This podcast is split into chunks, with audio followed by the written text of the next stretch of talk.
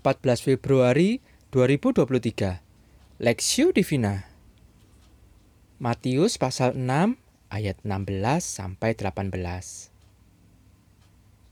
Dan apabila kamu berpuasa janganlah muram mukamu seperti orang munafik.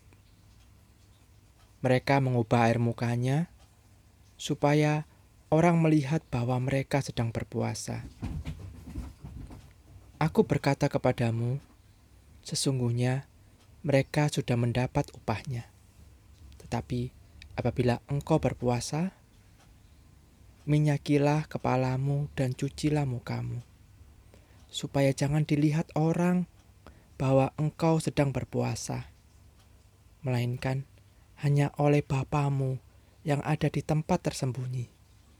Maka Bapamu yang melihat yang tersembunyi akan membalasnya kepadamu. Beragama demi Tuhan, perspektif.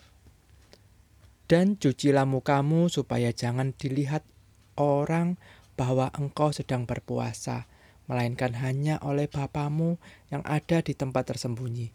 Maka Bapamu yang melihat yang tersembunyi akan membalasnya kepadamu.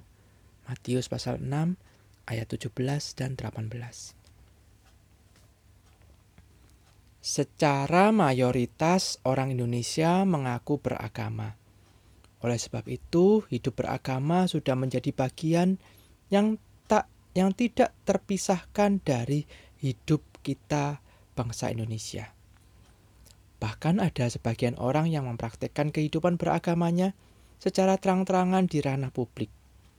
Supaya orang lain tahu mereka beragama dan taat, menjalankan ajaran agama mereka.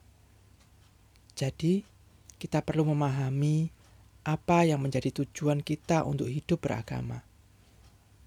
Bagian firman Tuhan yang kita bahas hari ini juga mengangkat salah satu aktivitas rohani atau ritual agama, yaitu berpuasa.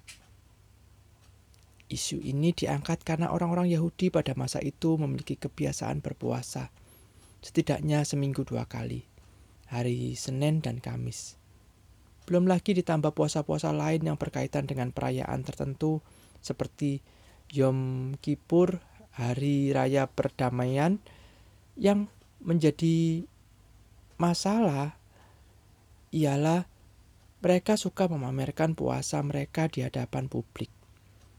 Tujuannya adalah untuk memamerkan kesalehan dan kekudusan, agar mendapatkan pujian dan pengakuan sebagai orang saleh dan taat pada aturan dan ajaran agama.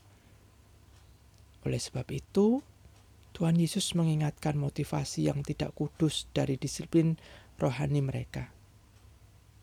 Dalam konteks inilah Tuhan Yesus mengingatkan berpuasa bukanlah untuk dilihat orang, Bahkan sebisa mungkin puasanya harus disembunyikan. Ada tertulis, apabila engkau berpuasa, minyakilah kepalamu dan cucilah mukamu supaya jangan dilihat oleh orang bahwa engkau sedang berpuasa.